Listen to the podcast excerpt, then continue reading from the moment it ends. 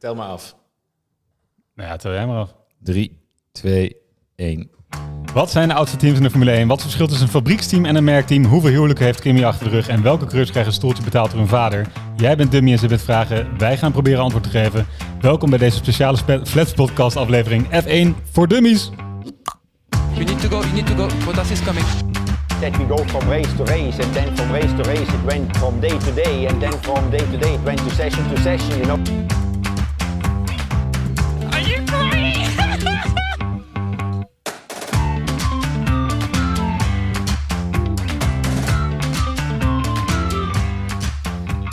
Hallo allemaal, welkom bij deze speciale aflevering van de Flats podcast... waarin de meest amateuristische experts van Nederland je bijpraten over de zin... en vooral onzin in de Formule 1. Ik ben Peter, naast mij zitten Bram en Pien... en je luistert naar een aflevering die onderdeel is van onze speciale zomerserie Formule 1 voor Dummies... waarin we al jullie dummy-vragen beantwoorden. Zoals je van ons gewend bent, gaat het in deze serie niet over de droge technische feiten... maar wel over de echt onbelangrijke zaken en randzaken in de Formule 1... zodat jij straks, net als ons, een echte mede-amateur-expert mag noemen... Jongens, zijn we er klaar voor vanavond? Zeker weten. Ik denk het wel. Ik, ik zoek nog even de laatste dingetjes op op mijn laptopje hier op links. Oké, heel goed. Bereid je nog maar even voor, want eh, dan ga ik even vertellen eh, waar we het vanavond over gaan hebben. Ehm, stel je het volgende voor. Eh, jij komt eh, voor het eerst bij je schoonouders, eh, nieuwe relatie. En eh, nou, je schoonvader of schoonmoeder blijkt een enorme Formule 1-fan te zijn. Nou, st- dan wordt dit de test voor jou of jij toegelaten wordt in de familie. Eh, we hebben dat ook met andere eh, series in deze zomerserie gedaan eh, voor je eerste date. of je maandagochtendsessie bij de koffiezetapparaat. En vandaag gaan we je bijpraten over de teams en de coureurs. In welke volgorde gaan we dat doen? We gaan van de oudste teams terug naar de meest nieuwe teams. En vanavond doen we dat met de eerste vijf teams. Het is eigenlijk dus als die date waar we het over hebben gehad, die wij dus er doorheen hebben geloodst. Hè, dat is dus een waanzinnig succes geworden. En nu, eh, je zit in een relatie. En dan, ja, je schoonouders. Ja, ik snap hem eigenlijk wel. Ja, en dan moet, wil je nu eigenlijk wat meer weten over wie nou die mensen zijn achter de helmen. En, wie, eh, en wat die teams daarachter nou Want jouw schoonvader begint dan natuurlijk ook over Formule 1 en allemaal over historische races, is- historische teams. Ja, dat moet je wel uit weten te rennen. Eigenlijk zijn wij een soort van relatie-experts. En trouwens, waarom is het je schoonvader? In mijn geval is het mijn schoonmoeder. Nee, daarom. Zeker. Toch, Pien? Ja, die is, die is wel fan, ja. Want e- eigenlijk weten mensen dat eigenlijk. Dat Eh, jij mijn zwager bent. Ook wel mijn, eh, mijn swagger. Nou, bij deze. It's revealed. It's revealed. Dus Piens Grote- moeder is mijn schoonmoeder. Piens moeder is mijn vader. Hij is hier niet grootste fan van de show. Ja, dat is al eh, een één bewijs dat deze zomerserie zo mooi is. Dat ze dit soort dingen en dit soort feitjes kun je, eh, kun je te weten Het heeft gewerkt, want Bram zit erin hoor, in de familie. Zit helemaal hebben we, gewassen. even, hebben we de ruimte opeens voor, hè? Ja, Ja, zeker. Een Hoe is het met beetje- jouw schoonfamilie, Peet? Eh, eh, prima, prima. Voor zover ik weet. Ik weet in ieder geval genoeg over Formule 1. Dus dit was voor mij, eh, dit is een soort van eh, eh, oprechte herinnering eh, geweest. Eh, bij je schoonfamilie komen en erachter komen dat eh, de rest een stuk meer weet. Dus wat dat betreft is het een goede oefening. En wat mij betreft is het ook wel een van de leukere onderwerpen, namelijk eh, de mensen zelf. En daar hebben we genoeg eh, feitjes en roddeltjes over. Eh, we hebben één afspraak gedurende deze zomerserie, omdat het wat anders is dan een terugblik op een raceweekend. We hebben één knop en die gebruiken we als iemand te lang... Ja, laat me even horen trouwens, ja. Dat is de gaap. Ja, en dat is eigenlijk bedoeld om als, als een van ons een te lang verhaal ophoudt, te veel technische details gaat oplepelen, dan, eh, dan mogen we die allemaal indrukken en dan gaan we gewoon lekker door. Eh, maar ik stel voor dat we beginnen. eh, en dat gaan we dus inderdaad doen met het alleroudste team op de grid vandaag de dag. En dat is Ferrari. Bram. Ja, dan moet ik hem meteen aftrappen natuurlijk. En volgens mij is het wel de bedoeling... ehm, kijk, we kunnen natuurlijk eh, een uur ehm, per team vullen. Maar dat we eigenlijk een beetje gaan delen waarom je voor dit team zou moeten zijn, toch? Ja, dat is goed. Dat is goed. Het, eh, Ja, want ik, ik wil best wel de Goed Wikipedia voor gaan lezen. Die heb ik hier links eh, heb ik, eh, voor nee, me. iets meer emotie erbij brengen inderdaad. Ja, dus je zit daar en eh, je wil natuurlijk toch een mening naar je schoonvader of je schoonmoeder overbrengen waarom je voor een bepaald team bent. En wij helpen je erbij. Nou, waar, er zijn gelukkig heel veel redenen waarom je voor het team van Ferrari moet zijn. Want vraag maar eens een klein kind om een raceauto te tekenen en die raceauto is gegarandeerd rood. Ferrari is het enige team wat bestaat, eh, wat nu meerijdt, dat altijd iedere Formule 1 race heeft meegereden en meegedaan. Vanaf het begin van de Formule 1. Vanaf het allereerste begin, ja. Het is ook een, een. Ze hebben een status apart in de Formule 1. Dat letterlijk in de regelgeving en eh, daar dingen over te zeggen. Ehm, en ook eigenlijk wil iedere coureur in zijn leven wel een keer voor Ferrari hebben gereden. Het maakt niet uit hoe goed of slecht ze Zelfs als ze een minder periode hebben. hè? zijn. Ja, ja. Zo krachtig is dat merk. Het heeft zo'n legendarische status binnen, ehm, binnen die wereld. Ja, het, het- Ferrari is natuurlijk ook wat wij denken misschien aan een sportauto die je op straat ziet rijden. Maar dat is echt een direct gevolg van, de, van het Formule 1 team. Dus het merk Ferrari is het Formule 1 team. En daaruit zijn die sportwagens gekomen. De grap is ook dat Ferrari meer geld verdient eh, met merchandise en, eh, dan dat het verdient met de verkoop van auto's. Echt? Wauw. Ja, ja. Ah, dat is toch wel reden om eh, in de Formule 1 te blijven inderdaad. En om er voor dit team te zijn. Zeker. Nou, dus dat is eh, één. Het is, ouds, het is daarmee ook het enige team wat gewoon een herkenbare identiteit heeft. De rest hebben we ook een andere aflevering genoemd, maar wisselt continu van eigenaar, van naam, eh, van sponsor en daarmee van naam. En soms is die sponsor dan weer een andere, andere autofabrikant, waardoor het weer lijkt alsof het weer een andere auto is. Nou, je raakt het spoor helemaal bijster. Ferrari is gewoon altijd Ferrari, is altijd rood en zit altijd in Maranello. Dus het zou, als je mij vraagt, ben je voor, hebben we ook behandeld, ben je voor een coureur of voor een team? Altijd voor een coureur. Maar voor Ferrari kun je een uitzondering maken. En niemand is groter dan Ferrari. Dat is ook het motto van het team. Het Eh, motto van het team is niemand is groter, groter dan Ferrari. Dus, in wat voor een opzicht? nou, dus de coureurs, eh, ze staan erom bekend bijvoorbeeld dat ze hun coureurs vrij direct en eh, eh, zeg maar hard de deur wijzen als het moment daar is. Dus ook meervoudig wereldkampioen zoals Michael Schumacher kreeg een vrij lullige manier van ja, je bent eigenlijk gewoon ontslagen bij dit team. Vettel was ook niet zo chic, geloof ik. Vettel was ook niet chic. En dat gebeurt er vaak onder het motto: niemand is groter dan Ferrari. Behalve vier andere teams op dit moment. Maar dat is maar, weet je wel, dat is gewoon een fase. Dus, nou, dus dan kom je op een andere reden om ook voor de, die Italiaanse trots die erin zit. Vind ik heerlijk om te zien. Met name in combinatie met de soms eh, Italiaanse cha- chaos die je ziet. Eh, vaak rondom pitstops. Ja, het, het gebeurt meer dan eens in een seizoen dat er iemand binnenkomt rijden om nieuwe banden op te halen en het team staat niet klaar. Ja, dat is voor mij genieten. Dan maak ik een extra zakje popcorn. Het is, er gaat zoveel mis daar. Ja. Zeker de afgelopen jaren. Het is echt iets om naar uit te kijken in de race. Ja, Ja. want wat, wat mij toch ook wel opvalt, eh, is dat ze staan al best wel een tijdje droog hè, bij Ferrari qua wereldtitels. S- Sinds 2007. Het is echt wel zo'n extreem lange tijd dat die gasten niet meer een kampioenschap Ja, maar hebben. niemand is groter dan Ferrari, hè, Ja, nee, jongens? dat blijkt. Ja, dat, Niemand als je is dat groter dan jezelf blijft Ferrari. zeggen, dan overleef je het dus. Dan hou je dit dus vol. Ja, maar moet je 14 dus, dus eh, ze zijn nu eh, vierde of vijfde in het kampioenschap eh, Van het tien. van de tien. Vorig seizoen was dat. Ze doen het nu iets beter, maar nog steeds niet. Maar er wordt nog steeds over gesproken dat Lewis Hamilton misschien wel naar Ferrari gaat. Maar noemen ze dan dat De- een de alle- studententien? Als ze dan een vierde of vijfde staan? Ja, zij. Ja, maar dus en zij zijn daar ook echt goed ziek van. Dat is ook wel weer. Ja, iedereen is er goed ziek van, maar bij de Italianen komt het gewoon net wat harder binnen. Het Italiaanse volk is ook fan van Ferrari. Het is ook een, een nationaal identiteitsdingetje. Ja, dat is ook wel echt waar. Ze hebben echt veel trots op dat team. Ja, Ja, en, en wel goed misschien nog over, eh, om over Ferrari te zeggen, het is gewoon echt recordmeister. Hè? Dus die, de meeste eh, constructeurtitels, de meeste coureurtitels. ja die krijgen we Ja, maar als ja, je dat is op zich meedoet. logisch toch als je al 50 jaar meedoet en de rest drie? Ja, ja, maar we komen straks op een team, bijvoorbeeld Alfa Romeo, die net zo lang meedoet. Hè? Maar dus, eh, het is natuurlijk ook een uitzonderlijke prestatie. Ja. Nee, en, ehm, Wie rijden er eigenlijk bij Ferrari? Goeie vraag. Ik zoek het even op. Nou, Nee, coureur nummer 1 en ook echt, denk ik nog wel de eerste coureur daar, is Charles Leclerc. Dat is een monegask.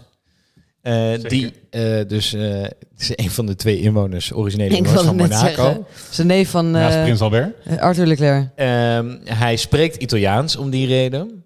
En ja, bij gebrek aan een echte eh stercoureur die Italiaan is, adoreren ze hem maar daar. Dus hij is op heel jonge leeftijd bij Ferrari gekomen. Dat is helemaal niet des Ferraris. Die gaan veel, die hebben vaak een historie van eh, ervaren coureurs aannemen. Juist omdat ze die dus ook kunnen trekken vanwege hun, ehm, hun naam. Ehm, maar dat, ze hebben een uitzondering gemaakt voor Leclerc vanwege zijn talent. En dat heeft die jongen wel. Nou, waarom zou je nou fan zijn van Charles Leclerc? Ja, Goeie vraag. Goeie vraag. hij, kan, hij heeft een paar hele spectaculaire moves laten zien on track. Eh, is ook echt niet bang om in te halen en eh, een beetje ervoor te vechten. Geen laffe rijder. Dat is erg leuk. En hij is, hij heeft heel veel, hij is heel zelfkritisch. Dus als jij houdt van zelfkritische mensen, dan zit je goed bij Charles. Even een fragmentje meegenomen, moet je even luisteren. P4, P4, slow button on. You did a good job. Really good. No, I did a shit job. I did a shit job. I did a shit job. I did a shit job. That's it. I did a fucking shit job. dit is dus... Dit is niet de eerste boordradio waarin hij heel kritisch is op zichzelf. Hij Eh, doet het vaker, hè? I am stupid, I am stupid. Hij zit natuurlijk ook in onze lekenvraag van de week normaal gesproken Ja. met zijn quote. Ja, dus eh, nou ja, goed. Maar hoe weet je, kan dit, Dat hè? kun je bewonderen in iemand toch? Dat, die, dat je zo zelf Ik vind Maar dit maak mooi, je hoor. toch niet vaak meer mee? Zeg maar, normaal is het de andere kant op, toch? Dat mensen gewoon trots zijn en hun fouten niet durven toe te geven. Nou, deze jongen is niet bang om zijn fouten toe te geven in ieder geval. hij creëert ze. Het is echt... Is gewoon een, eh, een, een bijzondere uiting van perfectionisme, denk ik uiteindelijk. Ja, dat wel. Maar is ik, gewoon heel het, ziek van als hij eh, P4 eindigt. Vind ik wel mooi. maar ik vind het dus wel, eh, ik vind het dus wel een beetje tekenend voor het verval van Ferrari. Ja, ik weet dat jij bent fan. Maar vroeger waren het echte rocksterren die bij Ferrari zaten. En Ja. nu is het toch... En dan heb je dus nu dit. Jij vindt Leclerc geen rockster, ster, begrijp ik. Ik vind Leclerc geen rockster. Ik heb het in, helemaal aan het begin van het seizoen al een keer gezegd. Vroeger, als een Ferrari-coureur een bocht tegen of, of iemand tegenkwam, dan was het gewoon deze bocht zit in de weg. En dat vind ik irritant. En nu is het gewoon je mist een bocht en dan denk je, oh, ik wat erg dat ik dat heb gemist. Ja, sorry, ja, inderdaad, je hebt hem, snap je? Het, zijn gewoon geen, het is Ja. gewoon geen rockster. Ja. Ja, en als ik een kanttekening bij Shell mag plaatsen, ik vind het verder eh, een mooi figuur. Maar de talentjaren, dat hij zich talent mag noemen, zijn wat mij betreft wel een beetje voorbij. Hij is inderdaad gewoon kopman. En mo- moet dat ook gewoon bewijzen. En volgens mij hebben we al eerder dit seizoen over gehad. Hij is niet zo steady. Hij maakt best nog wel wat fouten. Dat blijkt wel. Die gozer zit er al drie jaar. En Carlos Sainz, waar we het straks over gaan hebben, die staat op, op dit moment in de klassering gewoon hoger dan, dan Leclerc. Je had de woorden uit mond. Want waarom zou je voor zijn Spaanse teamsgenoot zijn? Carlos Sainz. Carlos Sainz ehm, is, een, is, wat ik zei, Spanjaard. En dit is als het vierde team waar Carlos Sainz op jonge leeftijd... Hij is ook nog maar in de twintig. Het vierde team al waar hij rijdt. Was eh, ooit een teamgenoot van Max Verstappen bij toenmalig Toro Rosso. En is eigenlijk de enige teamgenoot van Verstappen die het hem echt moeilijk heeft gemaakt. Toen is hij eruit geflikkerd. Toch? Nee, Max is gepromoot naar Red Bull in plaats van Sainz. Maar er was toen nog... Ja, oké, Max had wel echt talent, hè. Maar er was niet zomaar een given dat het, dat, dat niet ook Sainz had kunnen zijn. Die waren best aan elkaar gewaagd bij Toro dat is een van de weinige coureurs die het moeilijk heeft gemaakt. Ja. De Teamgenoten. Ja. Teamgenoten, ja, precies. En eh, nou, toen heeft Sainz eh, eieren voor zijn geld gekozen. Want ja, dat stoeltje bij Red Bull kwam niet meer vrij, dacht hij. Is hij naar Renault overgestapt. Oh, ik dacht dat hij eruit was gezet. Toen dacht hij van, eh, nou, ik ben, eh, wat doe ik hier bij deze Frans? Ik moet hier zo snel mogelijk wegwezen. Is hij naar McLaren gegaan? Eh, ja, en toen kreeg hij dus de kans om bij Ferrari te rijden. En wat ik al zei, iedereen wil een keer voor Ferrari rijden. Dus daar zit hij nu. En ja, hij, hij is gewoon een stille kracht. Hij is, hij is echt goed. Ja, hij is wel steady. Ja. Steady. En overigens, eh, vier teams al gehad, 26 jaar. Ik moest een beetje denken aan, eh, aan de, de Yusuf Hersi van, eh, van de Formule 1. Maar ken jij die nog, Bram? Of zeg ik nu eh nee, die waterbranden? Die ken ik niet. Die ken ik ook ja, niet hoor. goed. Dat is een voetballer die in tien jaar in de Eredivisie zeven clubs heeft gehad. Heeft hij zeven clubs gehad in Ja, de zeker. Eredivisie? Ja, zeker, zeker. Maar goed. Nee, Sainz, ik vind, ik vind het wel een fijn figuur. Ehm, Hij heeft dus ook Loki v- vrij veel humor. is dat zo? Ja, dat is dus zo. Als je hem hoort praten, denk je, wow, wat nee. Maar dat, ja, ook, ook dat nog. Ja, eh, dus dat, is, dat spreekt allemaal voor hem. Hij is ook een heerlijke Spanjaard. Hij is, ja. Ja. En hij is zo Spanjaard, dan moet je even luisteren. Er is een filmpje op internet en dan vraagt het team aan de, zijn, aan de twee eh teamgenoten, toen nog bij McLaren. Eh, dan spelen ze het nummer van Mariah Carey, eh, All I Want For Christmas. En dan moeten zij raden welk nummer het is en wie de zanger is. Nou, let even op, want Sainz raadt het op zich goed, maar let even op de uitspraak.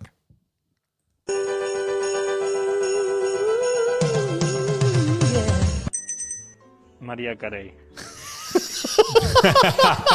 Je moet even, kan je even Lendo's eh, reactie nog even afspelen? Oké, komt-ie.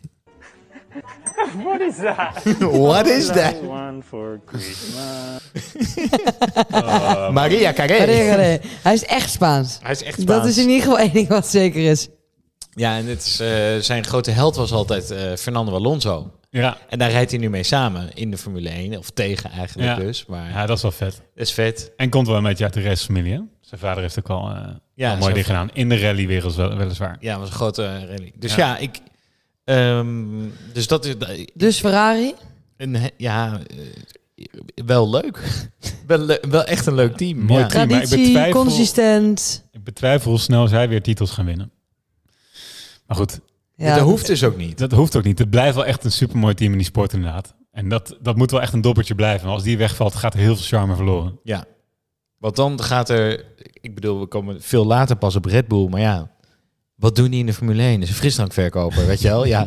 Nee, dus Iets Ferrari, charismatisch merk. Ferrari bouwt gewoon niet zomaar auto's, maar echte raceauto's, straatauto's die keihard kunnen rijden. Is, is gewoon, dat is de Formule 1. Ja. En, eh, en, en ze hebben twee coureurs die daar nog jarenlang kunnen blijven gezien hun leeftijd en talent. ja. Ah, vet. Mooi team. Ja, vet. Thanks eh, voor de intro, Bram. Dan gaan we door. Naar Alfa Romeo, want het is eigenlijk ook een van de teams van het eerste uur. Eh, dus sinds 1950 betrokken bij de Formule 1. En het grappige is, even een weetje, de eerste twee titels ooit in de Formule 1 werden gewonnen door Alfa Romeo. Dat waren ook gelijk de laatste. Ik wilde net zeggen, dat, Ehm, dat waren waarschijnlijk de laatste titels. Ja, zeker. Maar goed, en daarnaast, eh, we hadden het net al even over de verschillende type teams. Alfa Romeo was vroeger wel een fabrieksteam, hè? bouwde wel eigen motoren, maar is dat al best wel een tijd niet meer. En nu heeft het eigenlijk een samenwerking met Sauber. En is het vooral een naamsponsor, zou je kunnen zeggen. Dus, dus, dus wat dat Want ze hebben een kopende motor van Ferrari, toch? zij kopen ook nog eens een motor van Ferrari. En dat is inderdaad een interessant eh, feitje hier. Ze, Alfa Romeo heeft ook gewoon een relatie met het Ferrari-team. En eigenlijk bepaalt Ferrari vaak wel wie er op een van die twee stoeltjes bij Alfa Romeo zit. En dat is vaak iemand van hun eigen talentenprogramma. Dus dat was Charles Leclerc. Nu is dat Giovinazzi. Dus er zit echt wel een, eh, die hebben een stevige vinger in de pap daar. Ja, dus zij, eh, zij laten daar hun coureurs een beetje rijpen. Een beetje rijpen, ja. Ja. Wat goor. Ze hebben een relatie en ze laten hun coureurs daar rijpen. Die, die, die gaan er eventjes wat, ehm, wat ervaring op doen. Ja. Even kijken hoe het allemaal En dit is typisch wel een, eh, een achterveldteam, hè, met alle respect. Dus ze staan op dit moment totaal in drie punten dit seizoen. Eh, staat normaal wel, eh, wel boven Haas en normaal gesproken wel over boven Williams. Dit seizoen overigens niet. Maar achterveld zou je het onder kunnen scharen. Ehm, maar laten we doorgaan naar de coureurs. Want, ehm, Maar waarom moet ik nou eigenlijk voor Alfa Romeo zijn? Ik ben nog niet overtuigd. oh ja, ik had even moeten pitchen. hè? Ja, ik ben nog niet Ja, je moet voor Alfa Romeo zijn, omdat het gewoon een van de oudste teams is in de Formule 1. Ja, maar dan kan ik beter voor Ferrari zijn. Ja, ik ook. Ja, dat heb je net gezien. oh man. Je moet Aan het einde van je pitch zeggen, ik moet nog even pitchen Nou trouwens. ja, maar dit is dus wel... eh, jij zegt dat wel, Spien. Wie is Alfa Romeo? Je Het ziet is- ze nooit. Je hoort, het is het meest... Nou, oké. Het is dan- totaal gaan we onduidelijk er nu wel. Je moet voor Alfa Romeo zijn vanwege het volgende item. Kimi Räikkönen. Ja, ja, ja. Ah. Oké, oké, oké. Ja. Dat is een, daar kan, Ja, lul ik me even mooi uit. Ehm, nee, Kimi Räikkönen, dat is de, een van de oudste coureurs in het veld. 41 jaar oud. eh, rijdt al 20 jaar Formule 1.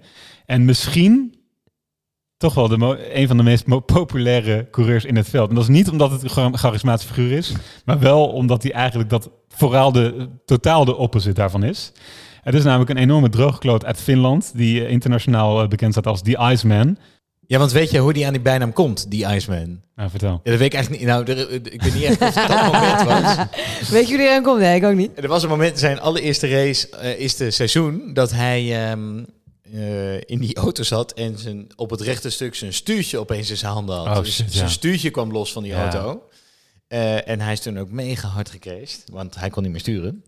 maar toen hebben ze later in de data gezien dat hij kon nog een stuk, heeft hij eh, zeg maar geprobeerd dat stuur terug te duwen. Maar terwijl hij dat aan het doen was, heeft hij wel vol zijn voet op het gaspedaal gehouden. dus hij, Oh.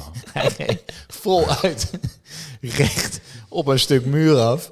En terwijl hij niet meer kan sturen en stuur terugduwt, houdt hij vol eh, het gas erop. Ja, dan ben je wel koelbloedig. De Iceman. Echt, maar hij, hij is ook een man, hij is dus een man van weinig woorden. En hij wil eigenlijk alleen maar racen. En hij vindt interviews het allerirritantste wat er bestaat. En Ja. daarom vindt iedereen hem dus zo leuk. Dus je moet een keer Mooi een interview van hem kijken. En dan vragen mensen, hey Kimmy, hoe komt het dat je eh, in bocht 1 werd ingehaald? En dan zeggen, en zegt hij gewoon, omdat die auto sneller was. Wat er verder nog vragen, want ik heb echt zin om nu... eh, dan- en hij wil dus ook graag, hij wil dus autorijden. En hij wil daarnaast, heeft hij dus ook meerdere hobby's. Waaronder eh, alcohol drinken, alcohol drinken en alcohol drinken. Is het echt zo erg? Ja, ja, hij staat wel bekend als een behoorlijke... Dus ik zei dus net bij. Ferrari, toch? Ja, dus ik Ja. zei dus net bij Ferrari dat er allemaal rocksterren, weet je wel, die Ja, dat- sigaretten aan het ja. roken waren voordat ze de auto in gingen. En die alleen maar naar de hoeren en drank en weet ik het.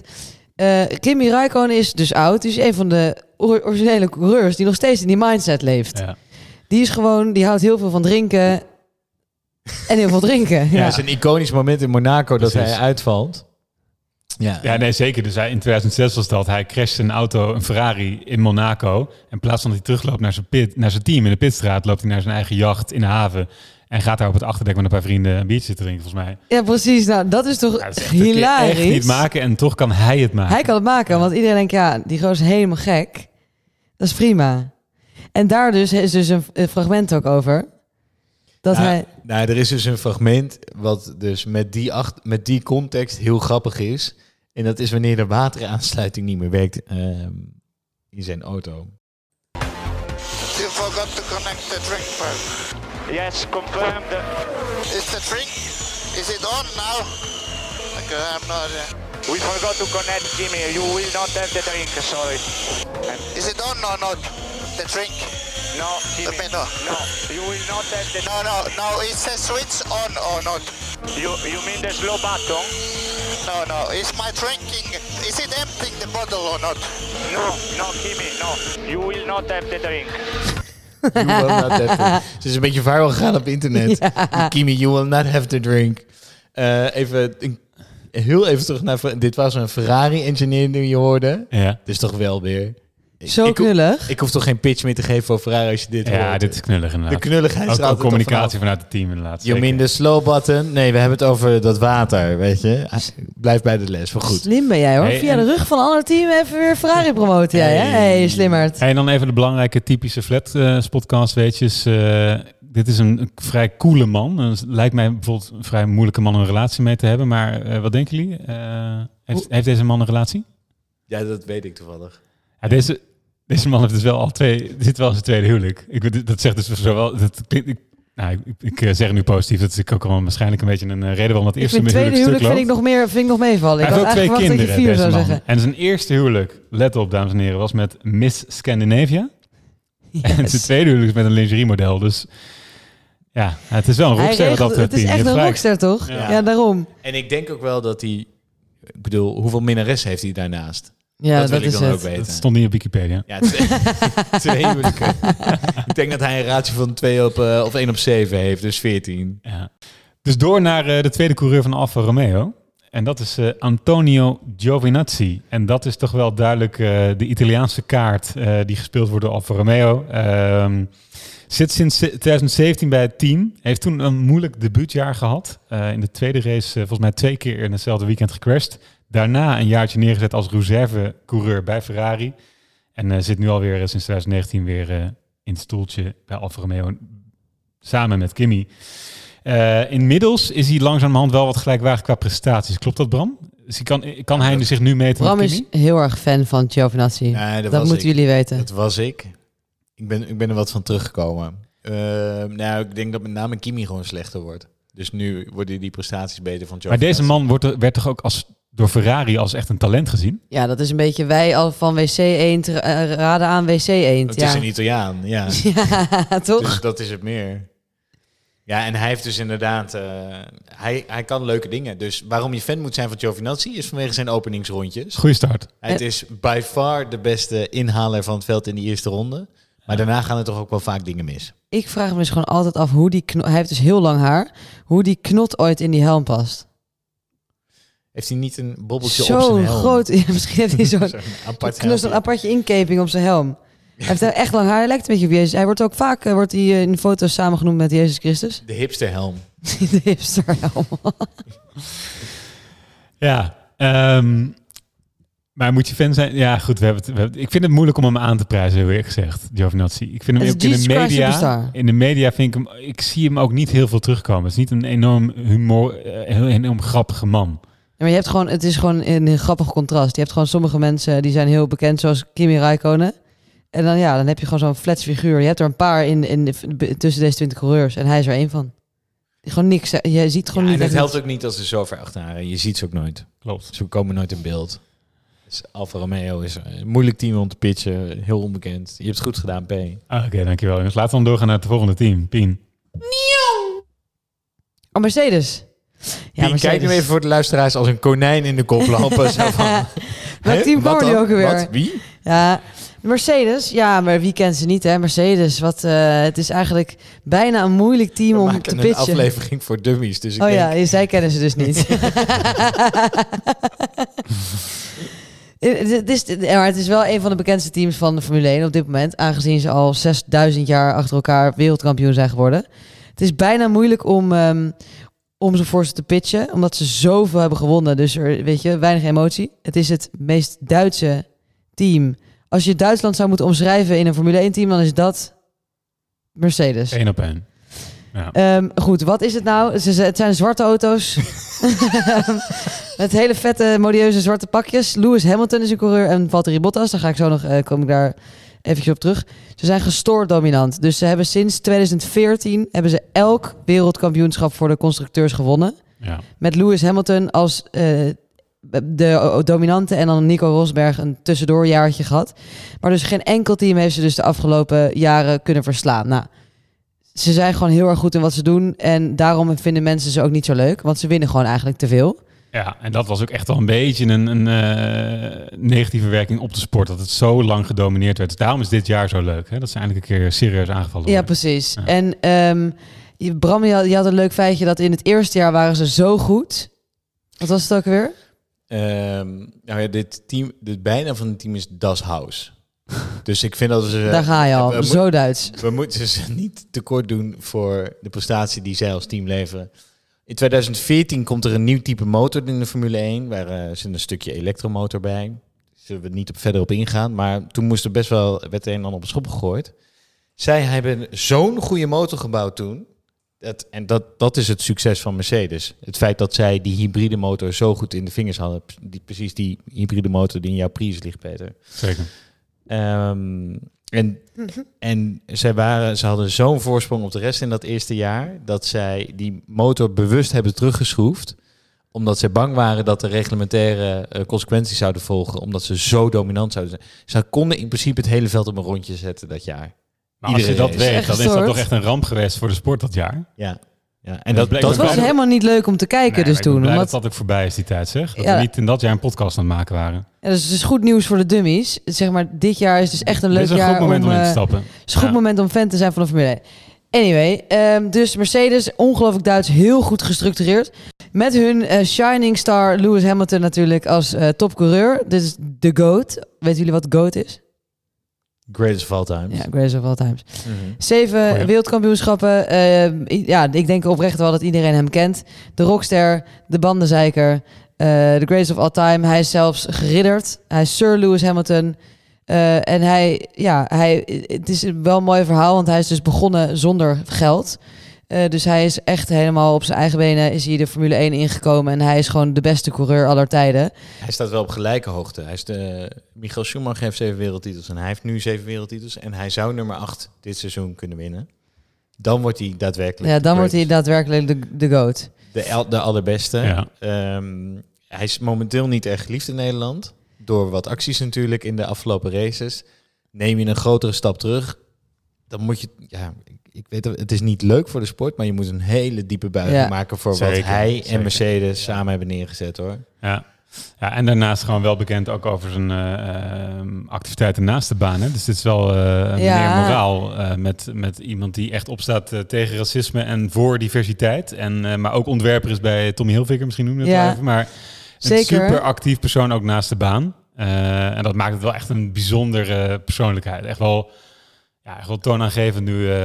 Hij, Hij heeft echt Formule 1 wel echt eh, op de kaart gezet wereldwijd. Eh, dus heel veel coureurs kunnen goed autorijden, maar zijn niet echt charismatisch. Maar ehm, hij heeft dat wel echt goed gedaan. Hij heeft ook eh, echt goede be- bekende mensen gereden. Hè? Van de Pussycat Dolls heeft hij, hoe heet het ook, Nicole, Scherzinger, Scherzinger, Zeker. heeft hij gedate heel lang. Nou, hartstikke mooi. Hij is de best verdienende coureur. Hij verdient 30 miljoen per jaar. Gewoon niet mis. Volgens mij zelfs... Ja, oké, we gaan door. Perfect. Namelijk, zet die gaap maar alvast aan, want we komen aan bij Valtteri Bottas. De perfecte Hey, tweede coureur. Ja, wel even pitchen. Positief pitchen, toch? Oh, sorry, inderdaad. Valtteri Bottas, het is een... eh, het is een bescheiden, nederige tweede coureur van Mercedes. Hij is een typische Fin. Ehm, elk jaar wordt er weer gezegd, dit jaar gaat hij echt Lewis Hamilton verslaan. Helaas, het is nog nooit gebeurd. Maar het is een goede tweede coureur. Je moet misschien erbij vertellen... we hebben natuurlijk wel een smeuig eh, jaar in, het, in die succesreeks is 2016. Toen Nico Rosberg kampioen is geworden en niet Lewis Hamilton. Dikke fight in dat team. Het was gewoon... Heel ongezellig. Het was extreem... Het was zo ongezellig dat Nico Rosberg na dat jaar meteen zei... Ik kap ermee. ja, echt. Er was, er was niet alleen ruzie tussen die twee gasten. Het was gewoon Ja. vijandig tussen de twee teams, zeg maar, van Ja. binnen Mercedes die aan die coureurs werkten. Eh, en toen zat Mercedes opeens met een waanzinnig probleem. Want de, de- hun tweede, eh, ze hadden een tweede stoeltje en ze hadden eigenlijk niemand klaarstaan. Toen hebben ze Bottas er maar bij getrokken. Eh, een soort van, zeg maar, de, de beste, slechtste keuze. Ja, en dat is toch net lang niet slecht gebleken. Want Nee. die is ingestapt en, en is wel consequent tweede geworden. Ja, en misschien is dat ook wel wat ze zochten na dat eh, turbulente jaar van Tuurlijk. 2016. Hè? En bij Red Bull is hetzelfde gebeurd, daar komen we zo op. Maar daar is eh Ricciardo opeens weggegaan. Nou, daar zijn we nog steeds op zoek naar een tweede coureur die kan wat Bottas kan. Ja, dus Mercedes kan inderdaad eigenlijk heel blij zijn met, met eh, Bottas. Ja. Is misschien voor de, de kijker niet altijd even leuk om hem eh, in zo'n snelle auto te zien. Eh, want het is niet heel veel strijd met zijn teamgenoot. Maar voor Mercedes is het top. Voor Mercedes is het perfect. En de vraag is natuurlijk of hij gaat blijven. Maar dat, eh, dat gaan we zien aan het einde van het seizoen. Eh, ik wil nog even een klein, heel klein even eh, iets uitlichten over de, de teambaas. De spindokter van de Formule 1. Eh, want als je het hebt over een, een heel Duits bedrijf dat goed loopt, dan is dit toch wel echt de CEO van dit bedrijf. Toto Wolff, ook wel bekend van zijn eeuwige witte overhemd en boze koptelefoons. Echt een flink goede sponsor is dat. Ehm, hij is eigenlijk de eindbaas van de Formule 1. Hij heeft echt heel veel belangen overal in verschillende teams. En onder Mercedes, hij klinkt als Arnold Schwarzenegger. Ongelooflijk Duits. Hij is Oostenrijks trouwens. Eh, en daar is een mooi fragmentje om heel even te laten zien hoe hij dan praat. Where are we at the moment? I, we, I just had a discussion and somebody said uh, it's like a kick in the stomach that we are not somehow not able to sort out these rules. I feel the kick is a bit lower. Uh, and it Het is ook wel een grapje wat helemaal niet landt ook. Want iedereen staat er een beetje ongemakkelijk aan te kijken daarna. dus, maar dit is wel echt een... Ik vind hem de eindbaas van de Formule 1. Ja, hij is wel. ehm, hij heeft niet zozeer belang in andere teams. Dus misschien goed om zijn rollen wel ehm, te benoemen. Hij is dus zowel eigenaar als teambaas van Mercedes. En hij is dan manager van een aantal coureurs. En dat maakt hem waarom jij hem volgens mij een eindbaas noemt. Ja, Maar klopt het niet dat hij ook nog aandelen heeft in andere Aston teams? Martin. Aston Martin, geloof ik inderdaad. Ja? ja. Oh. Hij heeft allemaal rare dealtjes met, eh, met die eh, baas. Maar daar komen we dus zo meteen wel op terug. Oké, eh, laten we doorgaan. eh dankjewel Bram voor naar het volgende team, McLaren. Waarom je voor McLaren zou moeten, dat zijn, ehm, je, je kunt hier, eh, je kunt het team mooi vinden omdat het extreme comeback kids zijn. Dus dit team was altijd waanzinnig goed. Zijn wereldkampioen geworden in 98 en 99. Mika Hakkinen hebben nog in de top meegedaan. eh, het, het enige team wat het ooit Michael Schumacher echt moeilijk heeft gemaakt. eh, als ik goed zeg. En ehm is met Lewis Hamilton nog een keer kampioen geworden in 2007, Zeven. als ik het goed herinner. En zijn toen heel diep gegaan, heel ver weggezakt en hebben echt in de onderste regionen achteraan het veld, stijf achteraan het veld gereden. En dat is dus heel erg pijnlijk als je zo goed bent geweest. Dat maakt dus het verhaal dat ze nu de afgelopen twee seizoenen of drie seizoenen aan het terugkomen zijn, nu in een subtop zitten en dat we erover praten dat zij weer terug naar de top gaan, heel erg knap. Ik zou niet weten hoe ze dat binnen het team voor elkaar hebben gekregen. Ehm, maar ze doen het. En ze zitten er inderdaad als een van de oudste in, ook met een bekende naam. McLaren is de naam van de oprichter, hebben ze ook altijd gehouden. Dus ik, ik moet zeggen, na Ferrari zou dit het team zijn wat je wat en die historie heeft en er lang is. En dan ook nog eens een keer dat extreme wegzakken en weer terugkomen. Ja, is leuk. Ehm, en dat is dus dat is al genoeg reden om voor het team te zijn. En dan gaan we naar de coureurs. En ze hebben echt hele leuke coureurs. En dan beginnen we even met Lando Norris. Lando is ehm, ja, de, de, misschien wel zo goed als Verstappen. Misschien wel beter als Verstappen. Geen idee. Is die jonge generatie, die jonge groep, Ja. samen met Leclerc, samen met Russell, samen met Verstappen, ehm, is er een beetje bijgezet als tweede coureur. En eh Ricciardo, zijn teamgenoot, zou wel eventjes de grote man gaan worden. En hij blijkt de grote man te Ja, zijn. Ricciardo is kansloos. Hij is kansloos. Zo goed als. Ja, Maar die Norris is nog grappig ook. ja leuke vent. Ja. Pien, ben jij Hij fan? heeft, ik ben een heel groot fan Zijn van veel Lando mensen wel fan van eh, Lando, hè? Maar hij heeft gewoon, ehm, hij maakt Formule 1 leuk voor de jongere generatie. Dus hij zit gewoon heel veel ook op eh, social media en zo. En dat, daar is hij goed in. Heeft hij ook niet zijn Hij eigen showtje dat wel- hij in een simulator ook dingen gaat... ja, op Twitch doet hij ook heel veel dingen. Gaat hij races nadoen en zo. Het is echt een hele, hele jonge, leuke, charismatische jongen. Ik heb een crush. Maar het is wel leuk, want hij is dus de Formule 1 binnengekomen als, eh, hij, eh, met geld. Dus mensen hadden niet per se hele hoge verwachtingen van hem. En nu doet hij het gewoon echt heel goed boven iedereen's verwachtingen. En hij is gewoon de eerste man nu bij, eh, bij zijn team. Ja, het schijnt zelfs zo erg te zijn hè, qua verhoudingen met Ricardo komen we straks natuurlijk op, op hem. Maar dat het Lando Land wordt genoemd daar bij bij McLaren. Hij Ja? is zo toonaangevend. Ja, en dat is wel heel lastig wat dat betreft voor de tweede coureur. Die En hij is heel jong, toch? Wat is Zeker. hij, 21 of ja, zo? Ja, zeker jong, ja. En dat is, eh, maar even terug naar het, het grappige, grappige gedeelte van de jongen. Nog een klein fragmentje meegenomen. Ja. Dit gaat ook, dit wordt, dit gaat al heel lang rond op internet. Ehm, hoe hij, dit is in een training, even eh, lekker zingend het weekend begint. Radio check. It's Friday then. It's Saturday, Sunday. What? It's Friday then. Saturday, Sunday. What? Yeah, it's okay. Iedereen gewoon normaal tijdens radio check, radio check, all clear. En hij dus dit, ja. Ja, is toch lekker? Ik geloof dat hij op een gegeven moment ook wel een beetje waarschuwing heeft gehad van... Amigo, je moet even wat minder grappen gaan maken in die auto. Ja, in zijn eerste jaar heeft hij zoveel grappen gemaakt... dat hij dus daarna een stepen naar buiten moest brengen... dat hij het jaar daarna serieuzer ging doen. Maar mooi dat hij gewoon wel lekker eh, zo ontspannen eh, blijkbaar ook. Want het was echt nog een beetje een puber toen hij erin kwam in de Formule 1. Maar hij blijft op een manier een beetje zichzelf, heb ik het idee. Ja, is leuk. Zijn teamgenoot is, eh, is daarna eigenlijk de grappigste man op de grid. Dus toen dit duo bij elkaar in een team kwam, hadden we allemaal hele hoge verwachtingen van hoe dat lekker bij elkaar vriendjes zou worden. Ja. Dat is nog niet helemaal gebeurd. Maar zijn teamgenoot is Daniel Ricciardo. Ri- Ricciardo, moet ik zeggen. Mhm. Australiër, die al een, best wel een lange tijd meegaat in de Formule 1. Eh, ehm, ja, en de, afgezien van dit seizoen, absoluut een coureur waar je, waarvan ik me voor kan stellen dat je er fan van bent. Rijdt goed, rijdt agressief, is nog wel eens genoemd als een kans hebben voor een Formule 1-titel. Trekt zijn eigen plan, maar rijdt dit jaar gewoon wel echt als een natte krant. Ja. Ja, En dat is wel echt doodzonde, want ja. eh, deze man, zeker in dat seizoen met Max, was zo goed. Ja, hij is teamgenoot van Max Verstappen eh, bij, bij Red Bull, ja. Ja, volgens mij is zijn een van zijn iconische talenten is in ieder geval dat ons extreem laten remmen. Eh, en, ja, en, ik, en, en hij heeft ook nog eens de gunfactor als persoon. Dus ik vind het heel zonde. Als je het nou hebt over ongelukkige carrièrekeuzes, is zijn move van eh, Red Bull ooit naar Renault is natuurlijk wel een beetje een uh, vervelende geweest. Maar verder hoop ik echt dat hij nog op een manier gaat bijkrabbelen. Maar daar begin ik me wel een beetje zorgen op te maken. Ik ook wel op zich hoor. Want hij, ik was echt groot. Ik was eigenlijk zijn grootste fan wel. Maar hij is een beetje in waardering gezakt gewoon. Ja, hij loopt nu hij loopt tegen de 30. Het is een hele goedlachse Australiër die ook eens een keer heel relativerend is in zijn interviews. Dus het is, het is een heerlijke vent om te kijken, gewoon buiten die races om. McLaren is wel echt het gezelligste team. Het zijn een beetje de clowns. Ja, Op dit moment Eigenlijk. Het zijn een beetje de clowns van het veld. wel. Ja, zeker. Dus team om in de gaten te houden daar eh, bovenaan het middenveld, zouden ze kunnen zeggen. Laten we doorgaan naar het volgende team. En dat is Williams. Eh, een wat jonger team dan bijvoorbeeld Ferrari. eh, maar toch eentje met een hele rijke historie.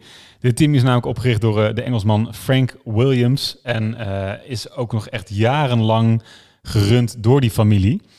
Ja, en niet te vergeten, Williams heeft ook gewoon negen constructeurstitels eh, binnengehaald. Is dus echt een heel serieus team geweest in de jaren 80 en 90. Jaren 80 en 90. dat weet ik nog. Ja, en hebben dus ook echt, echt grote coureurs onder hun hoede gehad. Eh, wat oudere namen, Prost, Piquet, Senna. eh, maar wel echt heel Damon groot. Hill. Eh, maar ook inderdaad heel Coulthard, Jensen Button. En dat is eigenlijk nog steeds een beetje de charme... waardoor nog steeds coureurs ook in de afgelopen jaren... terwijl het minder ging bij dat team... toch wel daar wilden beginnen. En dat ook een Russell, waar we straks op komen... echt trots is om voor Williams te rijden. Dus dat is wel echt een reden om voor Williams te zijn. Het is wel een team met historie. Maar de familie is dus wel eh, vorig jaar eruit gestapt. Het is nu in handen van investeerders. En dat is Het is misschien beetje overgenomen door een private equity kantoor, toch? Ja, maar dat is dus even terug naar je familie. Maar hoe freaking bijzonder is het dat je dus een team opzet Ja. en dat jouw dochter dat team overneemt? Claire Williams. Claire Williams is daar dus de teambaas Ja. geworden daarna. Ik moet wel heel eerlijk zeggen, en dat is jammer voor ehm, ehm, de gender diversity discussie die ik niet wil starten. Ik moet wel zeggen dat toen ik Drive nu to- wel gaat ja, doen. ik vind het. Ja, ik had precies deze gedachte. Maar ik wil het niet zeggen, ja. Maar het is toch wel jammer dat een vrouw het dan weer ten onder brengt. Nou, nee, laat ik dit zeggen. Eh, even los van of een vrouw of een man is. Maar toen ik die serie keek waarin, waarin je haar eh, de, boel ziet leiden, had ik ook niet het idee dat het heel zo soepel liep.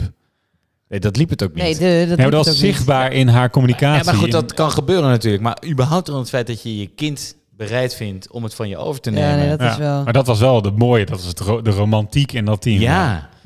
Hoe vet is dat? Ja. Hoe vet en is en ballen dat ze het gewoon gedaan heeft. Laten we doorgaan naar de coureurs. Ehm, ten eerste, George Russell. Nou, Of wil je nog wat zeggen, Bram? over ja, ik, nou, het schiet me dus wel te binnen. Ben je fan? Nou, er zit een soort van, ehm, laat ik het zo zeggen, eh, eh, de- als, als, je, als je aan het beleggen bent en je wil ergens vroeg instappen eh, in de hopen dat je een mooie rit gaat meemaken. Stel je komt nu die Formule 1 binnen en je wil zeggen dat je toen een goede keuze hebt. Ik zou dan voor Williams worden eigenlijk. Ja? Ja, want volgens ik denk dat ze hele grote, ze zijn al hele grote stappen eigenlijk aan het maken. Ja. Eh, daar hebben we, vorige, die hebben we al een beetje benoemd tijdens het seizoen. Maar dat wordt dit seizoen duidelijk. Maar dat is al een, dat is een, breder dan dit seizoen. En je, het zou wel dus eh, zomaar over drie, vier jaar echt op een heel andere positie op de grid kunnen staan. En dan kun je nu alvast zeggen dat je nu al fan was. Ja. Dus Nee, ik zou ik- vroeg instappen. Ik- wat je zegt zou best wel eens kunnen kloppen. Ja. Dus Moet je wel een eh, lange adem hebben, denk ik, hoor. ja, maar dat hebben, we, dat hebben we. Blijven gewoon kijken. Laten we doorgaan naar de coureurs. Eh, te beginnen bij George Russell. En dat is eh, toch... We hebben het even over Lando Norris gehad. Maar dit is ook wel eh, volgens mij wel een lievertje voor velen. Eh, een beetje een keurige Engelsman. Jonge jonkie. Hè, 23 jaar oud. En rijdt sinds 2019 eh, bij Williams. En ondanks dat dat nog steeds een beetje een achterveldteam in opmars is... presteert hij toch best wel aardig. En vooral in de kwalificatie, Mr. Saturday, doet hij het heel erg goed. En dat is super knap. en wat was dus onlangs ook wel echt een heel mooi moment voor Russell, is dat hij voor het eerst in zijn derde jaar, ehm, of in zijn carrière bij Williams, punten scoorde met Williams. En daar was hij vrij emotioneel over. En ook dat zegt denk ik wel veel over, eh, over hem als persoon en ook wel over dat team. Nu zijn er nu wel de nodige geruchten over eh, een potentiële transfer, namelijk van Russell naar Mercedes. Jongens, wat zouden jullie ervan vinden als George Russell bij Mercedes gaat rijden? Terecht. Ik zou dat dus heel vet vinden. Ik weet niet of Lewis Hamilton er blij mee zou zijn. Want dan krijg je dus een strijd tussen de oudere Brit, Hamilton, en de jongere Brit. Super groot talent. En Ik denk niet Ik dat denk dat dat heel spannend kan worden. nou, hij, zou- ja, hij heeft een tweejarig contract eh, getekend. Dus als dat, jij vraagt je af of Hamilton het aandurft? Nee, Mercedes het aandurft. Om weer zo'n strijd. We hebben net gezegd dus natuurlijk dat eh, Bottas een perfecte Ja, tweede coureur is. Los van eh capaciteit van de coureurs heb je dan ook nog een stukje persoonlijkheid. Misschien dat deze twee niet zo ver laten komen eh, tot een moddergevecht als eh, Rosberg en Hamilton deden. Ah, de situatie toont alleen wel natuurlijk hoe, ehm, hoe moeilijk de Formule 1 is. En dit- want Russell heeft Formule 3 gewonnen, Formule 2 gewonnen, heeft dan terecht een stoeltje in een, een, een lager team, maar zit inderdaad in helemaal in het Mercedes-kamp. Williams is ook een, nu een, is een dependance-team van Mercedes, hè? Ja. Ja. Ehm, en de enige reden dat hij niet door kan, is omdat Mercedes gewoon verdomd goed bezet is. Met Lewis Hamilton. Dat is het wel echt. Ja, dit is dus de tragiek van de Formule 1. Precies Ja. dit. Want hij is de beste van zijn generatie. Hij is, hij is beter dan Lando Norris. Eh, want is hij altijd al geweest, dus je weet niet nu. Hè? Maar hij is altijd beter geweest dan Lando Norris, dan al zijn generatiegenoten. En hij zit in de slechtste auto, dus hij rijdt altijd achteraan. En hoeveel Heel seizoenen zit hij daar al wel niet? Hij zit er echt al heel lang. Hij zit al drie jaar sowieso. Derde seizoen. Ja. Dus moet je je voorstellen dat jij gewoon een sterspeler bent... en dan moet je gewoon verplicht bij FCM gaan spelen. Ja, Dat is wel echt zo, toch? totdat Lionel Messi een keertje weggaat. Op da- daarbij... eh, zodat jij op die positie kan gaan Ja. spelen. In een sport waar contracten echt eh ehm, gehonoreerd worden, hè, die, die worden uitgediend. Die worden niet zomaar tussentijds inderdaad gestopt. Het is inderdaad heel moeilijk. Behalve bij Red Bull, maar eh, daar komen we nog misschien al een keer later op terug. ja. Dus dat is eh, over Russell. Ja, tenzij jullie daar nog iets eh, extra's over te hebben natuurlijk. Nee, ik ben erg benieuwd wat je over de volgende Ja, te goed. zeggen De volgende is Nou, voor mij maar- wat... Als we dan nog heel even voor dummies uitlichten dat Lewis Hamilton corona krijgt vorig seizoen. Dat, Ja, dat. Russell instapt en zo'n waanzinnige race Dat rijdt. was enorm vet. En dat was eh, en daarom zitten we er ook allemaal op te wachten. Ja, Je gunt het hem. Hij zit al veel te lang bij Williams, maar hij heeft het ook al een keer laten zien. zeker. Ja, Ja, bizar. Dat was echt een heel memorabel weekend van dat seizoen. Ja, Dus De inderdaad, als je nog eh, ergens moet- bij Mercedes. en als je nog ergens moet instappen om fan te zijn, dan kan je nu nog zeggen... Ik ben al een beetje laat, maar dan kan je nu nog zeggen... Russell, en dan, weet je wel, dan ga je de hele mooie jaren nog meemaken die hij nog gaat krijgen. Ja. Het, ik was al fan toen hij nog bij Williams reed. Je bent, Kun je ja, precies, Ja. precies. Ja. Oké. Laten we hopen dat hij eh, een kans krijgt bij een groot team binnenkort. Tweede coureur van Williams. En daarmee ook de laatste eigenlijk van deze aflevering in deze vijf teams. Dat is eh, eh, Nicolas Latifi. ja, dit was even iets. En dat was weer de aflevering van vanavond, dames en heren. Ja, de krekel. Maar dit is misschien eh, de lastigste coureur om iets over te vinden, te zeggen of misschien ook wel te pitchen, met alle respect. Dit is ehm, een Canadees die misschien wel wat, wat ja, Punt. dat kun je Punt. winnen. Ja. En verder best wel een kleurloos persoon in de Formule 1 is. Hij is ook best wel een laadbloeier. Als je kijkt naar zijn cv, deze man is 26 jaar oud en heeft vorig jaar pas zijn debuut gemaakt. Daarvoor was hij alleen maar testrijder bij Ja, maar weet je teams. waarom? Vertel, Pien. Dat is een paid driver. Zijn pa heeft gewoon een stoeltje Ja. voor hem gekocht. Dat was eh, inderdaad de volgende opmerking. Ja, daarom, dus die hoort, Zeg die maar- hoort hier eigenlijk helemaal niet. Nee, ja, dus als we het hebben Op basis over... van prestatie. Als het hebben, en er komen in de volgende aflevering nog wel de nodige terug bij andere teams. Maar inderdaad, eh, als we het hebben over mensen die met geld eh, de sport zijn binnengekomen, is inderdaad Latifi een goed voorbeeld. Ehm, Hij is gewoon, hij kan niet zoveel. Hij zit in een slechte auto en zijn vader heeft een stoeltje gekocht. Dus gewoon actie ga je niet van hem vinden, emotie ga je niet van hem vinden, want het is een Canadees. En nou, dat was het. Ja, ik denk dat het een hele goede accountant zou zijn, bijvoorbeeld. ja, als die, dan zou ik hem ook geloven. Weet je dus trouwens wel dat zijn vader ook 200 miljoen in McLaren heeft geïnvesteerd. Dus ik hoop niet dat het betekent dat Latifi ooit nog daar in een stoeltje komt. Oh. Maar goed, Nicolas Latifi eh, op dit moment, eh, ja, hij zit erbij. We moeten hem Hij zit erbij, hij Eh, bestaat. Hij Het is misschien een hele aardige man, maar Je- eh, hij zit er vooral dankzij zijn vader. Je kunt voor hem zijn, maar ik zou het niet doen. Ik zou het ook echt niet doen. Nee. Nou, op deze vrolijke noot. Ga hem afsluiten. Laten we dat doen. En daarmee zit het er weer op. Dank voor het luisteren, dames en heren. Stay tuned voor de volgende aflevering met de rest van de teams en de coureurs. En blijf ons volgen, natuurlijk voor de races na de zomerstop. Volg ons ook vooral op Instagram-account. eh, de Flespodcast eh Formule 1 Pien. Tot de volgende keer. Hey, hoi. Hoi.